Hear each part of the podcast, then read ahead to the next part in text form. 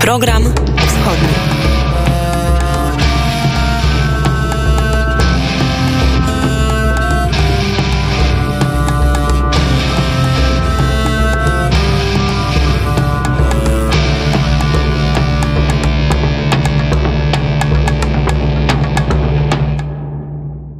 Program wschodni dzisiaj nadawany z Warszawy. Zazwyczaj o tej porze jeszcze jest prognoza pogody, ale jaka jest dzisiaj pogoda doskonale widzimy. Pada deszcz, przynajmniej w Warszawie, ale to taki ciepły deszcz i w sumie wcale nie jest taki straszny. Czasami deszcz się też przydaje.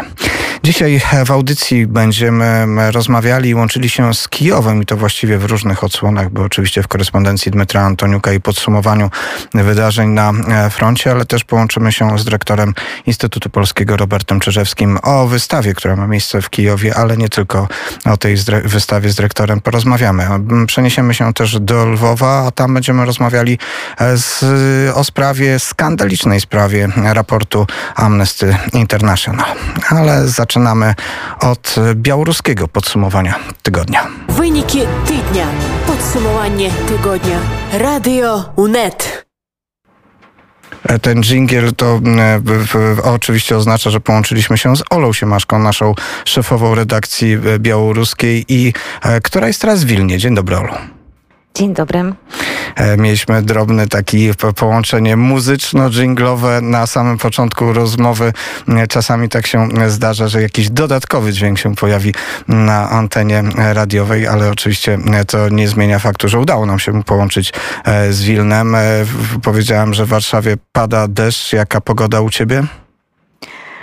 U nas w Wilnie jest bardzo dobra pogoda to bardzo dziwne dla Litwy, ale mamy dzisiaj już 26 stopni i moim zdaniem będziemy mieli w ciągu dnia więcej. To znaczy w Wilnie teraz upale.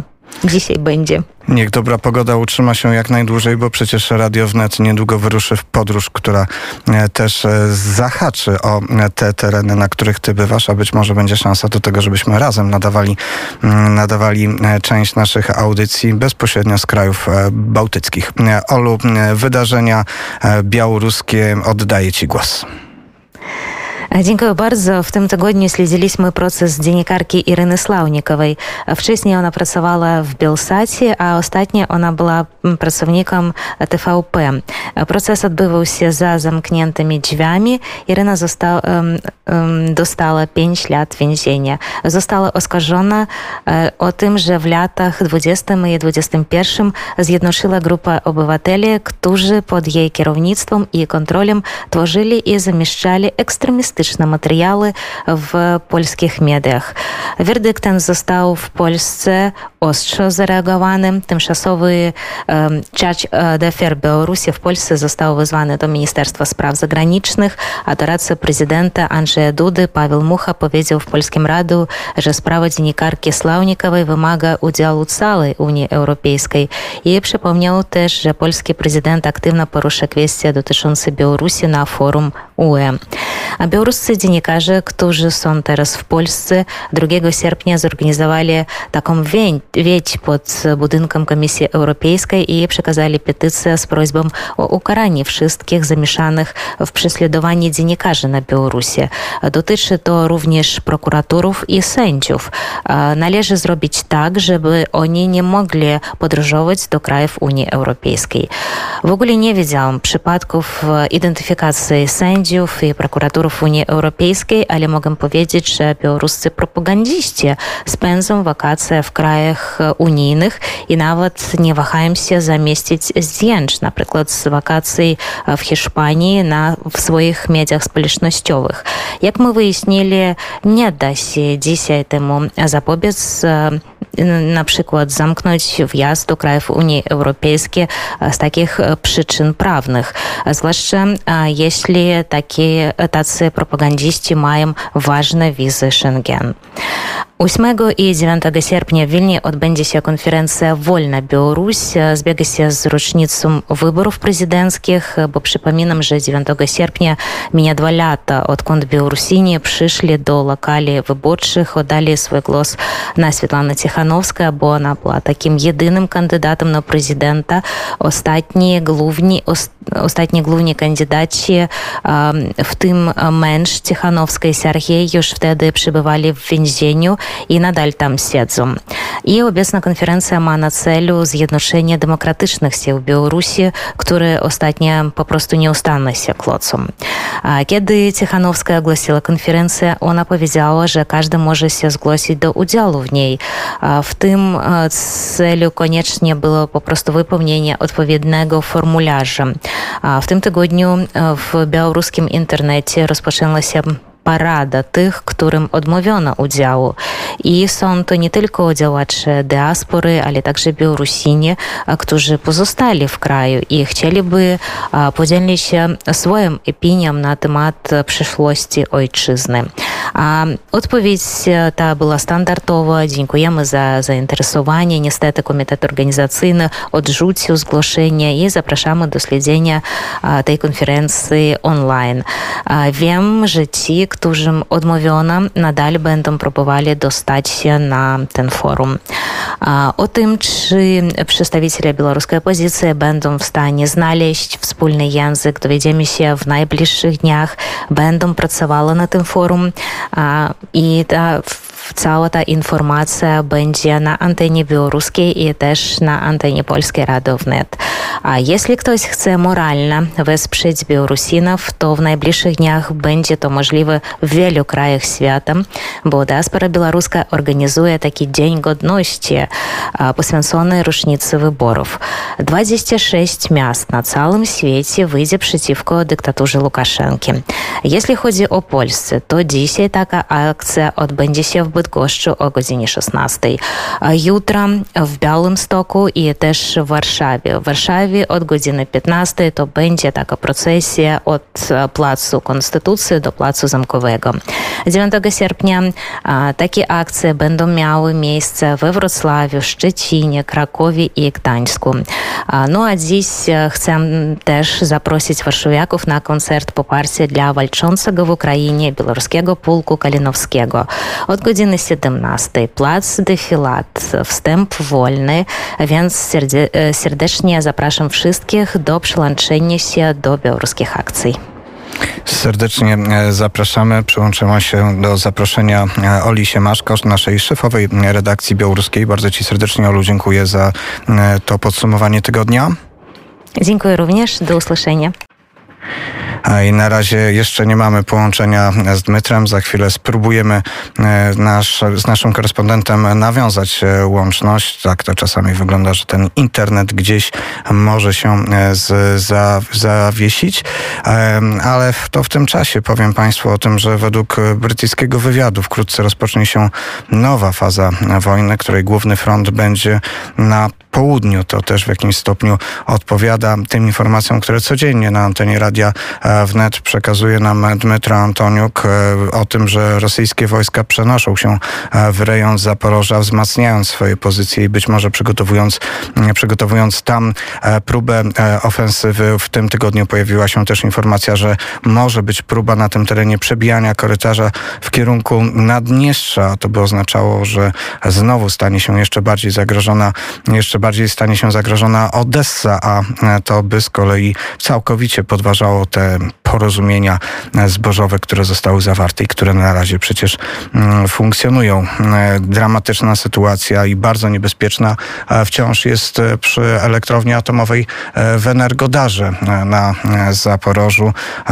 Mm, informacje stamtąd nowe o tym, że Rosjanie przerzucają tam też dodatkowy sprzęt, zresztą stamtąd prowadzą ostrzały, a to powoduje, że elektrownia znajduje się bezpośrednim zagrożeniu i że może dojść do tej najgorszej e, katastrofy. Agencja, Ukra- Agencja Ukraińska Union informuje, że szkody, które Ukraina poniosła w wyniku wojny wynoszą już ponad 108 miliardów dolarów. Tyle e, tych środków mm, w różny sposób zostało e, straconych. To zniszczone domy, to zniszczona infrastruktura, zniszczone drogi. Oczywiście olbrzymia liczba ofiar e, wśród ludności cywilnej żołnierzy, która nie da się policzyć w dolarach, ale e, te wszystkie szkody spowodują, że Ukraina będzie musiała być odbudowana przez wiele, wiele lat. Przypomnę, że Polska zobowiązała się do udziału przy odbudowie Ukrainy. Ten region, który Polska ma odbudowywać, to e, obwód doniecki, obwód, który w tym momencie częściowo jest okupowany, obwód, w którym cały czas trwają walki, więc na razie ta odbudowa jeszcze nie jest e, możliwa. Musimy czekać na to, żeby najpierw doszło do zwycięstwa, bo raczej mała jest szansa na pokój bez zwycięstwa. To by był bardzo wątpliwy pokój, pewnie też by uniemożliwił odbudowę. No może przedłużyłby tylko, e, tylko trwanie wojny. Ukraińcy zresztą na to zwracają uwagę, że mm, pokój, o który zabiegają, to e, pokój zabiegają przede wszystkim, e, zabiegają w tym momencie Rosjanie i to oni chcą doprowadzić do zawieszenia broni, które mogłoby być dla nich korzystne. Żadnego zawieszenia broni na rosyjskich warunkach Rosja nie zaakceptuje. Proszę Państwa, cały czas jeszcze nie mamy łączności z Dmytrem Antoniukiem. Obserwuję sytuację w Kijowie, bo e, to oczywiście zawsze wywołuje e, taka, taki moment wywołuje trochę większe e, napięcie, ale w Kijowie w tym momencie jest spokojnie, a chyba potwierdzi to właśnie Dmytro Antoniuk, który już powinien być na łączach internetowych. Dzień dobry Dmytro.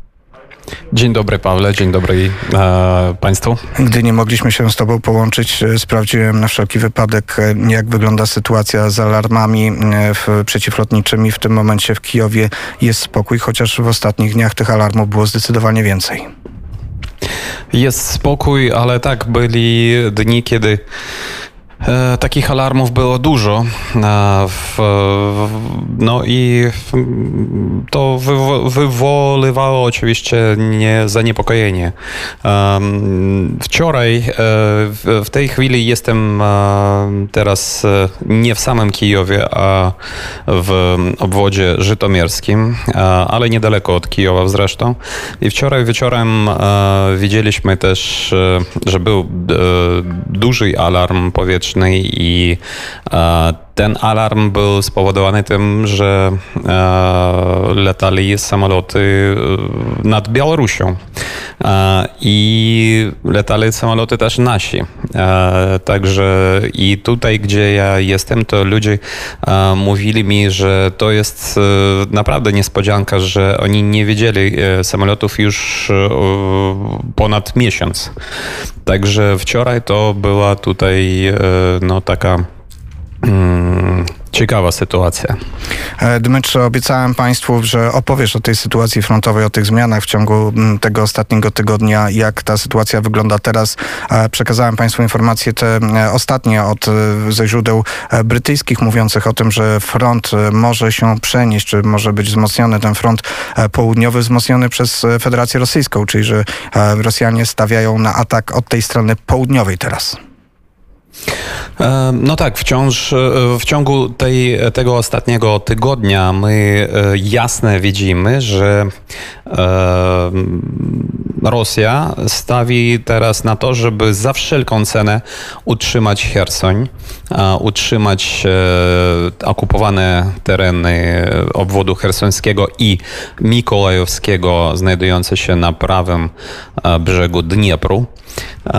I dlatego przerzucają dodatkowe posiłki, jednostki, ciężki sprzęt, a również też remontują mosty.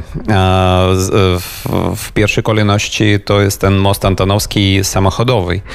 Mm, coś tam, e, e, myślę, że wielu z Państwa e, widzieli te dziury straszne, wielkie dziury zrobione przez uderzenie być może z Hajmarsów, być może z innej artylerii ukraińskiej. I takimi dziurami tym mostem oczywiście żaden ciąg by nie przyjechał. Natomiast teraz e, słyszymy, że e, to wszystko oni spróbowali zaleć po prostu betonem, a z, e, i dalej po, położyć jakieś żeliwo i, i w taki sposób zrobić ten most przyjaznym. Chociaż ja bym nie ryzykowałbym takim mostem jechać, szczególnie w ciągu. No, ale jednak przerzucają swoje jednostki i widać, że próbują utrzymy, utrzymywać te pozycje, które oni tam mają. Na przykład bardzo ważny jest odcinek frontu nad rzeką Inhulec i pod miejscowością, która się nazywa Dawidów Brud, tam wojsko ukraińskie od kilku tygodni ma przyczółek około, z, około miejscowości Łozowa i Andriivka. I ten przyczółek codziennie wróg próbuje atakować piechotą, czołgami, uderzeniami z wszystkiego, co on ma, ale nie udaje się wrogowi tam ten przyczółek znów okupować. Także My mamy też sytuację ciekawą w pobliżu od Hersonia już na północno-zachodnim końcu tego miasta. Tam wojsko ukraińskie jest już bardziej bliżej, bliżej do Hersonia i jest informacja, że powoli, powoli, ale zbliża się do tego miasta. Stosuje tak takiej tak zwanej taktyki salami, czyli powoli, po, codziennie e, zdobywają kolejne 100-200 metrów i tak dalej. No, ale najważniejsze jest to, że widzimy, że Rosja, jak niektórzy tego się spodziewali, ona nie wycofuje się z tego prawego brzegu, nie opuszcza okupowany Hersoń i będzie walczyć jak w samym Hersoniu, tak i na tym prawym brzegu hersońskiego i mikołajowskiego obwodów. E, Dmytro, sytuacja wokół Bachmutu to miejsce, gdzie wciąż trwają e, walki, ale te ostatnie informacje wprost mówią o szturmie e, rosyjskim na Bachmut. Jaka jest realność, jaka jest, jaka jest zagrożenie, że, że Bachmut mógłby paść i mógłby się dostać w ręce rosyjskie? Zagrożenie jest bardzo wielkie i sytuacja jest bardzo poważna i trzeba z tego sobie dawać sprawę. Być może w tej chwili, kiedy teraz rozmawiamy, toczą się tam walki, bo wiemy o tym, że całą noc toczyli się walki na tym odcinku frontu i wróg tam ma chociaż też drobne, ale sukcesy. I też e, podchodzi coraz bliżej do Bachmutu. Zbli zbliża się do tego miasta. Szczególnie blisko do Bachmutu oni podeszli od, um, od strony e, wsi Pokrowskie, to znajdujące, która się znajduje na wschodzie od Bachmutu. Tam jest skrzyżowanie dróg, um, coś w rodzaju obwodnicy Bachmutu. I na tym skrzyżowaniu już toczą się walki, czyli już prawie w samym mieście, już prawie na obrzeżach tego miasta. Tam są e, ataki lądem, oczywiście piechota tam e, wroga próbuje atakować codziennie. Tam jest bardzo ciężka sytuacja naprawdę i to, e, to, co my możemy utracić, Bachmut jest absolutnie realnym. No i trzeba też powiedzieć o sytuacji, która jest e, na południe od Bachmutu, bliżej już bezpośrednio w bliskości od Doniecku. Tam e, wojskowi, tak zwani wojskowie tak zwanej e, DNR, LNR atakują e, w kierunku po, po w, w kierunku w kierunku Dniepru po prostu. Atakują w, w nieskończoność. E, sens i, i tych atak w ogóle nie jest jasny, ale e, wiemy już 100%, że na tym odcinku frontu od Marinki przez Piski i do Awdijivki e, atakują wyłącznie te tak zwane mobiki, jakich nazywają wojskowi Rosjanie z LNR, DNR. I trzeba powiedzieć, że w Piskach dzisiaj też toczyli się walki całą noc. część tego miasta, część tego... Miejscowości, tej bo to, to nie, niewielka, miejscowości, niewielka tak. wieś pod, pod, pod Donieckiem tak naprawdę. Tak, ale letniskowa. Jest, warto, warto też powiedzieć, że to jest miejscowość, która jest na końcu pasa startowego donieckiego e, lotniska, tego, które walki potężne trwały do 2015 lutego 2015 roku e, i Piski było tym, tym, tą miejscowością, która mm, została e, absolutnie, no, stała się takim bastionem ukraińskim i skutecznie od tego 2015 roku Ukraińcy bronili się w, w, Piskach. Tam były też no, takie siły, które wydawało się, że właściwie ten obszar jest nie do przejścia, ale teraz informacje, które stamtąd nadchodzą, też informacje, które piszą sami żołnierze, no wskazuje na to, że, że ta sytuacja jest e, dramatyczna. Jak wspomniałeś, to właściwie jest taka letniskowa miejscowość, ale ona jest ważna, strategicznie istotna na drodze, więc wygląda na to, że to uderzenie na tym kierunku donieckim, tak jak mówisz, może nie do końca zrozumiałe e, militarnie, ale ono jest silne.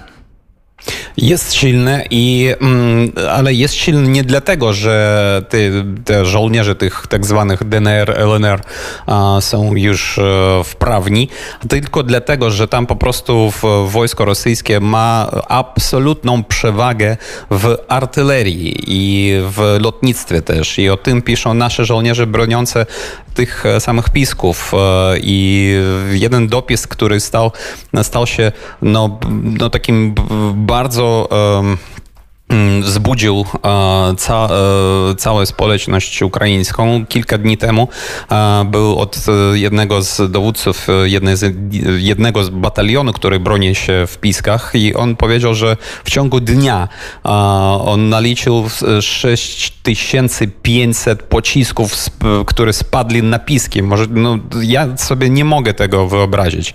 I jak po tym wszystkim można po prostu przeżyć? I no to jest niesamowite i, i że bardzo słaba jest, e, jest odpowiedź artylerii ukraińskiej na to wszystko i mm, sytuacja tam jest naprawdę dramatyczna. E, dramatyczna sytuacja, jak mówisz, wymieniasz nazwy e, Piski, Marinka, te wszystkie miejscowości, opowiadaliśmy o państwu, państwu o nich na, na antenie Radia Wnet przez ostatnie e, lata, gdy jeździłem tam w 2018-2017 roku, to były miejsca, gdzie w sumie te walki, no tak, one od czasu do czasu wybuchały, ale jednak na przykład w Marince normalnie toczyło się życie, było można normalnie chodzić do sklepów, funkcjonował nawet kultury, taki specjalny ośrodek też, e, który e, aktywności społeczeństwa, te miejscowości odbudowywały się po walkach e, z lat 2014-2015, a teraz znowu są areną tych najgorszych wydarzeń, tych walk. Jakiś czas temu rozmawialiśmy w naszym gronie dziennikarskim o rakietach S-300, tych rakietach, które mają charakter przeci przeciwlotniczy. Dziwiliśmy się, że Rosjanie je wykorzystują do ataków naziemnych, nawet przez chwilę myśleliśmy, że to mm, e, jest jakiś błąd z naszej strony, że tak się przecież nie może dziać, ale okazuje się, że tak się działo. Te rakiety terroryzowały e, pozycje e, ukraińskie na południu Ukrainy, ale w tym tygodniu też duży sukces. Wyrzutnie rakiet S-300 są po prostu niszczone przez Ukraińców i tych ataków w związku z tym podobno jest zdecydowanie mniej.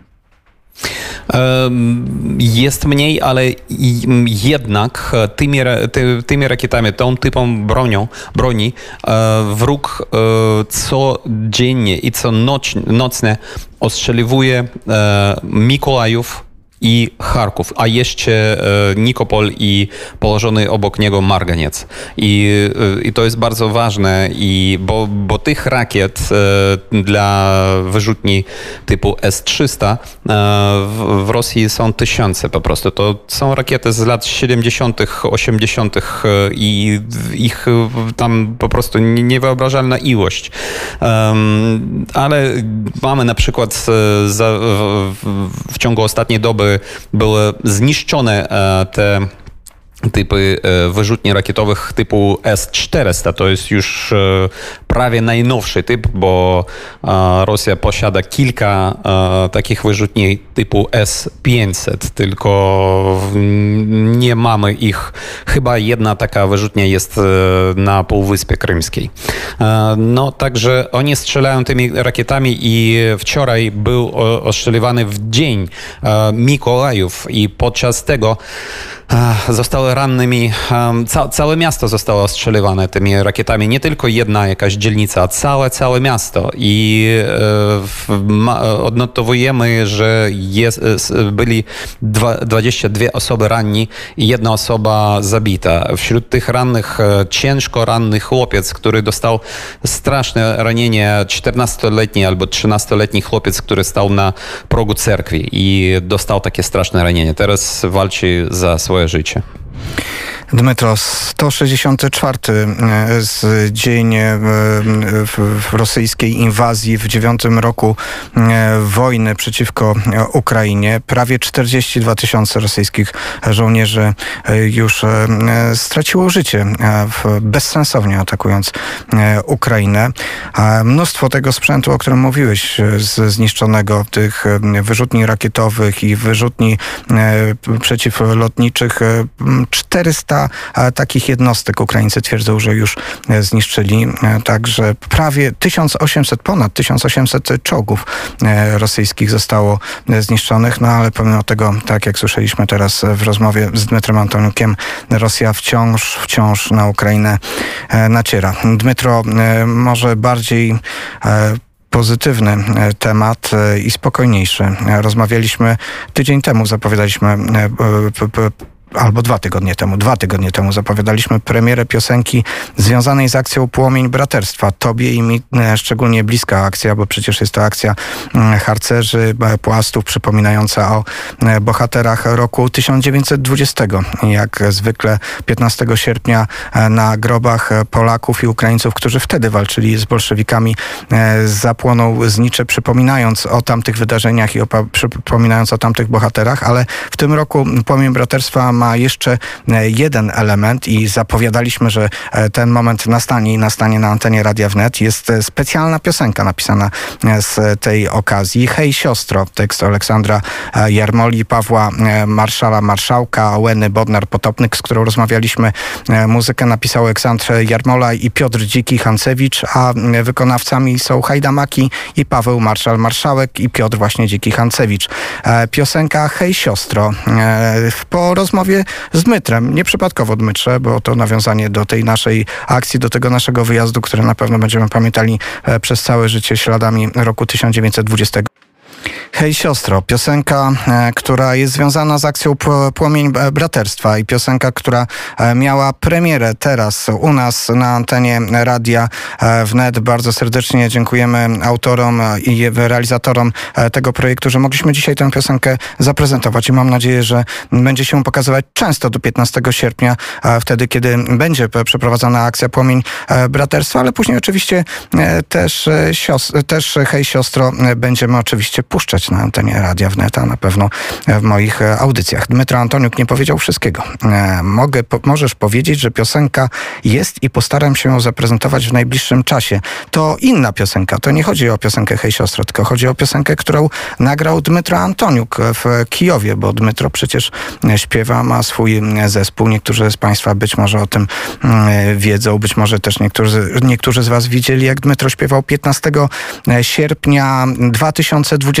roku, w setną rocznicę e, Bitwy Warszawskiej, a właściwie nie, to było 9 maja, bo to była setna rocznica parady w Kijowie wojsk Polski, e, polskich i e, ukraińskich i wtedy Dmetro śpiewał Queen, piosenkę Queenu na kijowskim Majdanie. A teraz Dmetro napisał specjalną piosenkę, która się pojawi pod kątem tych ostatnich wydarzeń, ale też w nawiązaniu do tego, do tych wydarzeń sprzed ponad już 100 lat.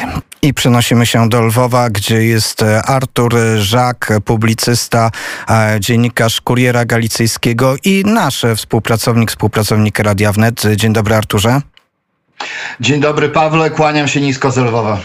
Arturze, e, w tym tygodniu rozmawialiśmy już o wydarzeniach politycznych na Ukrainie. Tak się składa, że najczęściej, gdy my rozmawiamy, to rozmawiamy o tych kwestiach politycznych, a teraz kwestia polityczno-społeczna. Raport, e, skandaliczny raport organizacji Amnesty International.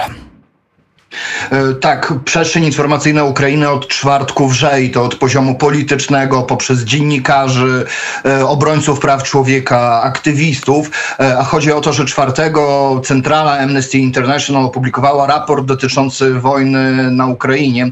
W tym raporcie niejako postawiono znak równości pomiędzy agresorem a ofiarą.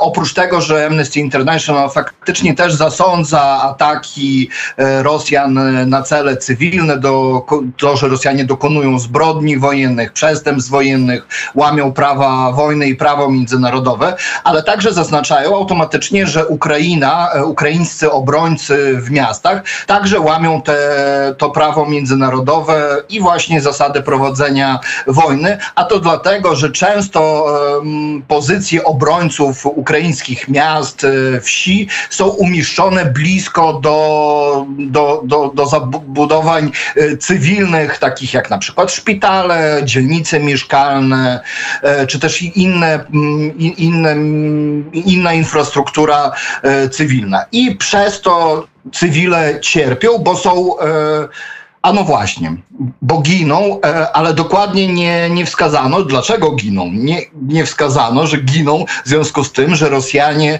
właśnie są zmuszeni niejako do ostrzeliwania tych, e, tej, tej infra, infrastruktury bez właśnie takiego wskazania. Czym właśnie ten raport automatycznie się wpisał bardzo dobrze w całą narrację rosyjską, którą Rosja, która Rosja uprawia od 24 lutego, a tak naprawdę e, od 2014 roku tłumacząc, że armia ukraińska zachowuje się niehonorowo, bo nie wychodzi w czyste pole tak zwane i nie staje twarzą w twarz e, z rosyjskim e, żo żołnierzem. Czym właśnie naraża e, ludność cywilną na na utratę życia e, czy też e, zdrowia, a armia rosyjska musi atakować właśnie te cele, walcząc e, z armią ukraińską.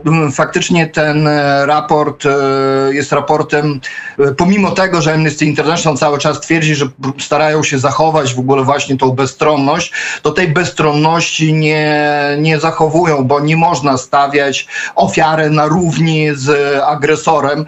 Ten raport został e, zasądzony, a tak naprawdę skomentowany, poczynając od prezydenta Ukrainy, e, a kończąc, tak jak mówiłem, też na obrońcach praw człowieka. E, minister Reznikow, czyli minister obrony Ukrainy, wprost powiedział, że jako prawnik nie wyklucza pozwu przeciwko centralnie Amnesty International.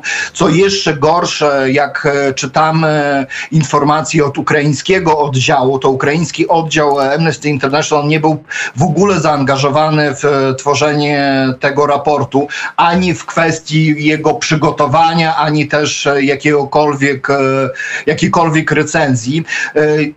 Jedyne, co, co się udało ukraińskiemu oddziałowi, to wymóc na centrali e, próbę uzyskania mm, opinii Ministerstwa Obrony Ukrainy, bo e, centrala Amnesty International chciała też opublikować ten raport, nie pytając się strony ukraińskiej o ich zdanie, nie przedstawiając ich zdania. Niemniej jednak, pomimo tego, że centrala zwróciła się o komentarz do ministerstwa, to dała tak krótki czas na odpowiedź. Jeżeli się nie mylę, e, to oni poprosili w godzinach popołudniowych w piątek, a już w czwartek opublikowali e, e, swój e, raport. Centrala, znaczy ukraiński oddział no, w jakikolwiek sposób próbował się sprzeciwić. Tutaj na daną chwilę wiemy, że że szefowa ukraińskiego oddziału Oksana Pokalczuk już wczoraj się podała do dymisji na swojej stronie w Facebooku, a także w Twitterze opublikowała takie oświadczenie, mówiąc o tym, że do końca wierzyła, że da się, nawet jeżeli ten raport został opublikowany, czym wyrządził e, duże, szk duże szkody, to miała nadzieję, że da się to jakoś odkręcić, że jednak centrala zrozumie e, ich pozycję, pozycję Amnesty International. Niestety do tego nie nie doszło. Ona w dosyć sarkastyczny sposób oceniła, znaczy skomentowała to, że to jest problem, e, problem językowy, ale nie spowodowany problemem w niezrozumieniu się na przykład rozmawiając w języku angielskim, a bardziej w, w stosowaniu pojęć, czyli e, że nikt nie zrozumie człowieka, który został zaatakowany właśnie na swoim terenie i jest zmuszony e, się bronić. Więc podała się do dymisji.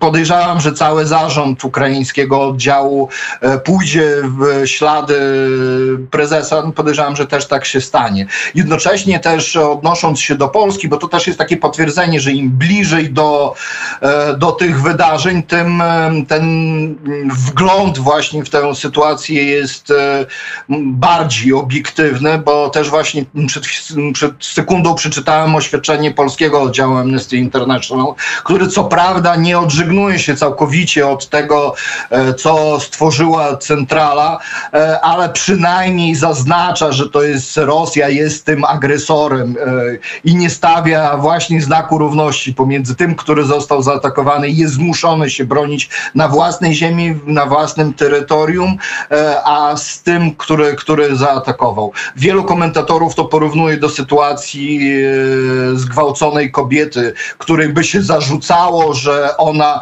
nie uwzględniła wszystkich aspektów, które na przykład zmusiły agresora e, do dokonania tej, e, tej zbrodni.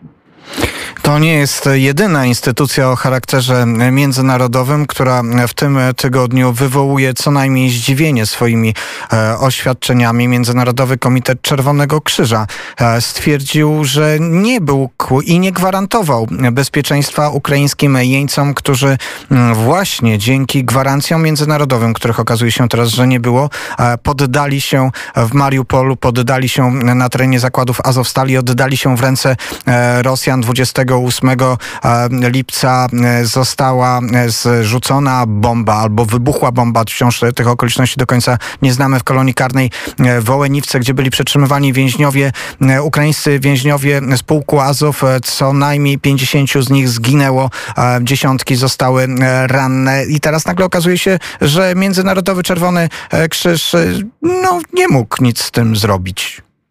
E, nie to, że nie mógł niczego zrobić, bo dotychczas zresztą Czerwony Krzyż twierdzi, że nie został dopuszczony do jeńców e, e, Azowa, ale okej, okay, przyjmijmy, że faktycznie Rosjanie i myślę, że na pewno łamią, łamią wszelkie zasady, ale z drugiej strony Czerwony Krzyż powiedział, że on niczego nie gwarantował. Zresztą podobna informacja płynie z, ze strony ONZ-u, że oni nic nie gwarantowali, że oni nie są stroną, że oni nie mogli gwarantować, więc więc cała odpowiedzialność leży na stronie ukraińskiej, żeby było śmieszniej. E, no i w tym wypadku e, też oczywiście oni potępiają w ogóle zachowania strony e, rosyjskiej, ale oni niczego nie gwarantowali. Jednak mm, wśród Ukraińców i to też zwykłych obywateli, jak i, jak i oficjeli, zaufanie do organizacji międzynarodowych, którzy, które mają stać na straży bezpieczeństwa, ładu, prawa międzynarodowego jest jednak na daną chwilę znikome, bo zarówno jak Czerwony Krzyż od początku tej pełnowymiarowej inwazji przez kilka pierwszych tygodni wykazywał się no, przepraszam za słowo, ale praktycznie całkowitą impotencją w, we własnych, we własnych e, dzia działaniach. Jak co po niektórzy się śmieją, rozwijał e, sztaby kryzysowe, ale w Lwowie, w hotelach pięciogwiazdkowych. Arturze, Arturze, Arturze, to, to dobry moment, żeby powiedzieć o tym, że naszej rozmowie przysłuchuje się e, dyrektor Instytutu Polskiego w Kijowie, pan Robert Czyżewski. Dzień dobry, panie dyrektorze. Witam Państwa, witam Panie redaktorze. E, pan dyrektor przebywa teraz e, w Kijowie, w przeciwieństwie od tych wielu instytucji e, międzynarodowych, które znają sytuację na froncie i znają sytuację na Ukrainie, obserwując z odległych hoteli w miejscach w miarę bezpiecznych. Komentarz do, tego, do tej sytuacji związanej z Amnesty International. No, ze strony kulturowej chciałoby się to skomentować. Jako Polakowi oczywiście przypomina mi się sytuacja Grunwaldu, w której y, zażądano od y, armii polsko-litewskiej wyjścia w pole, bo będzie łatwiej walczyć napastnikowi.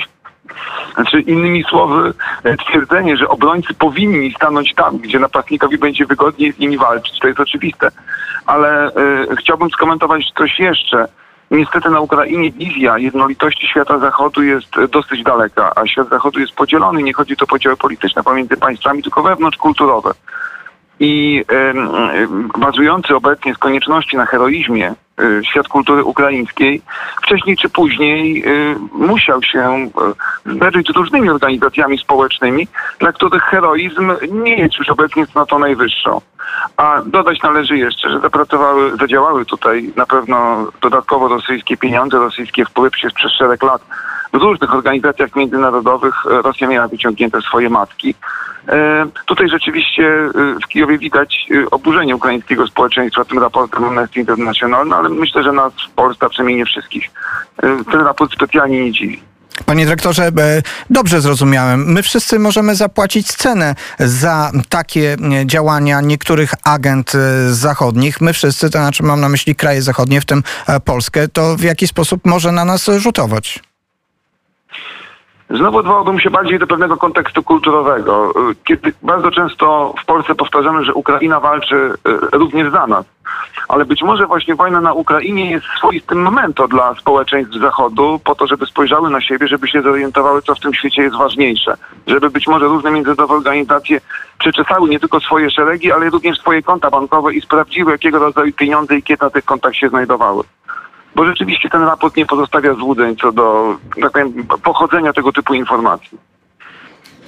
No i właśnie tak to e, może wyglądać, ale e, rozmawiając i umawiając się na rozmowę z panem dyrektorem, e, rozmawialiśmy też o innym temacie i znowu bardziej pozytywnym niż kwestie związane bezpośrednio z wojną, ale też mającym wprost odniesienia do wojny. Gdy widzieliśmy się w Warszawie, widzieliśmy się na otwarciu wystawy Andrija Jermolenki, Wojciecha Korkucia w Zamku Ujazdowskim, wystawy plakatów. Ta wystawa trafi czy trafiła już do Kijowa?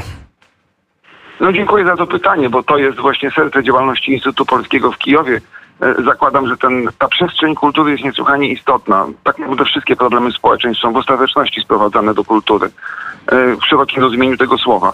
Ale wracając do wystawy, o którą pan redaktor pyta, to rzeczywiście ta wspólna inicjatywa Instytutu Polskiego w Kijowie i Zamku Jazdowskiego, może nawet należałoby to odwrócić, bo Instytut wtedy był na uchodźstwie, mówiąc w cudzysłowie, to dyrektor Bernatowicz był inicjatorem tej wystawy, ale później wystawa ruszyła na Ukrainę, była już pokazywana w Lwowie, a czwartego było jej odsłonięcie w Kijowie w miejscu niebywale symbolicznym, ważnym rzeczywiście chyba bardzo nie tylko godnym, ale i wygodnym do zwiedzania. To opowiedzmy o tym miejscu. Co to za miejsce? Dlaczego jest takie symboliczne? E, co tam jest zlokalizowanego? No, należałoby naszym słuchaczom powiedzieć więcej na temat topografii Kijowa. Kijów nie jest typowy, typowy dla zachodniego oka. On nie ma jednego centrum starego, tylko właściwie trzy niezależne centra, o dwóch na razie nie mówmy, ale to trzecie to oddalone od tych pozostałych o mniej więcej e, 3 kilometry może cztery na południe, tak zwany Peczersk, e, serce religijne Ukrainy, to tam zaczynała się chrystianizacja, tam w pieczarach pochowani są e, mnisi, którzy od dawien dawna chrystianizowali wtedy jeszcze kijowską Ruś. E, na tym Peczersku zbudowane były budynki forteczne, potem w XIX wieku, e, a obecnie rozlokowane jest Muzeum Historii Ukrainy podczas II wojny światowej. Tym, którzy Kijów odwiedzają, to miejsce jednak kojarzy się przede wszystkim z ogromną stalową figurą e, Matki Ojczyzny, jak to jest obecnie definiowane na Ukrainie. Jest to figura rzeczywiście wielka, która jest jednym z symboli Kijowa w tym sensie, jak pałac, e, pałac Kultury Warszawy. Znaczy jest to spuścizna sowiecka, stąd teraz nie wiadomo co zrobić. Lokalny sentyment pozostaje, ale właśnie muzeum rozlokowane jest pod tą figurą, więc w miejscu w pewnym sensie centralnym. E, tam są szerokie promenady, to jest na wzgórzach e, nad, e, nad Dnieprem bezpośrednio, tam jest e, sporo ludzi przechadzających się, w tym również takich, którzy w ostatnich tygodniach, miesiącach uciekali z południa czy wschodu, tam gdzie obecnie jest wojna oglądają Kijów czasami, no może nie po raz pierwszy, tak, ale dokładniej e, zwiedzają miasto, gdzie przyszło im teraz żyć najbliższe być może tygodnie, miesiące, tak jak to wojna potrwa, prawda?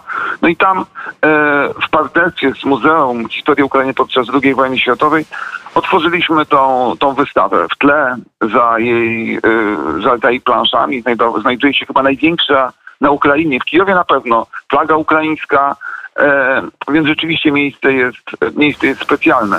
Chciałbym też podkreślić, że Muzeum Historii Ukrainy podczas II wojny światowej nie jest tym, co nam się, czy mogłoby nam się wydawać na pierwszy rzut oka, bo nie jest to taki nudny ciąg stalowych brył różnych pojazdów wojskowych z e, jednolitymi tabliczkami, ale raczej jest to muzeum e, mające wystawy bardzo współczesne. E, między innymi jest tam teraz wystawa Ukraina Ukrzyżowanie, a także dosyć ciekawa wystawa pokazująca Lend ten współczesny i ten z II wojny światowej. Więc można powiedzieć, że ta nasza wystawa niejako otwierająca wejście do tych ekspozycji ma bardzo dobre położenie. E, bardzo dobre położenie, a przekaz tych plakatów, które w Warszawie no, wzbudzały silne e, emocje, bo przecież e, są dosyć jednoznaczne, łącznie z tym plakatem przeze mnie szczególnie ulubionym Wojciecha Kurkucia Achtung Kraszia. No kontekstów tu jest bardzo wiele i przypuszczam, że czasu by nam zabrakło. Myślę, że najistotniejszy kontekst, który ja wciąż podkreślam, to jest sam charakter sztuki plakatu. Mamy do czynienia z dwoma artystami, którzy nie, niewątpliwie tworzą sztukę o dość podobnym o dość podobnej wymowie. Więcej, dla laika na pierwszy rzut oka ich prace są na tyle ciężko rozróżnialne, że trzeba się zbliżyć i przeczytać podpis. Mam więc do czynienia z dwoma artystami tworzącymi dość podobnie, w dość podobnym e, segmencie tematycznym. Ale z drugiej strony sztuka plakatu jest specyficzna, bo ona chyba jako jedna z nielicznych sztuk współczesnych próbuje utrzymać bardzo silny kontakt z widzem, tym widzem masowym. W konsekwencji należałoby tu wprowadzić sugestię, że mamy do czynienia z podobieństwem obu społeczeństw. Że jeżeli Wojciech Korkuć ma w Polsce, ma wielu wiernych odbiorców, a tak samo odbiorców e, swoich posiada Andrzej Jermolenko, a oni są do siebie podobni w swojej twórczości, no to społeczeństwa polskie i ukraińskie są podobne. Myślę, że my Polacy możemy być dumni z jednej strony, bo, e, e, no bo mówimy o Rosji to, co teraz myślą Ukraińcy od dawna, tacy jesteśmy, to jest nasz bilet wizytowy, e, ale z drugiej strony to e, myślę, że też jest, e, no, ta nasza duma może polegać na tym, że mm, pokazujemy Ukraińcom, że nie są sami. W sytuacji szczególnie, kiedy mm, no, mamy do czynienia z asymetrią sił. Co by się nie działo, ile by broni Zachód nie dostarczył Ukrainie, ta wojna jest asymetryczna, Ukraina jest słabsza. I w takiej sytuacji poczucie, że świat jest z nami, że może jesteśmy słabsi, ale to mamy rację, jest niesłychanie istotne. I nie tylko dla cywili, Panie dyrektorze, cały czas, cały czas przysłuchuje się naszej rozmowie Artur Żak w Lwowie, e, e, a ja mam w głowie takie pytanie, czy jest czas na oglądanie plakatów? Arturze, czy oglądałeś tę wystawę, jak była w Lwowie? Króciutko. E, jak, najbar jak, najbardziej oglądałem tę wystawę w Lwowie. To jest bardzo znaczące wydarzenie, które zresztą rozmawiając z moimi znajomymi Ukraińcami nie przeszło bez, e, nie przeszło niezauważone.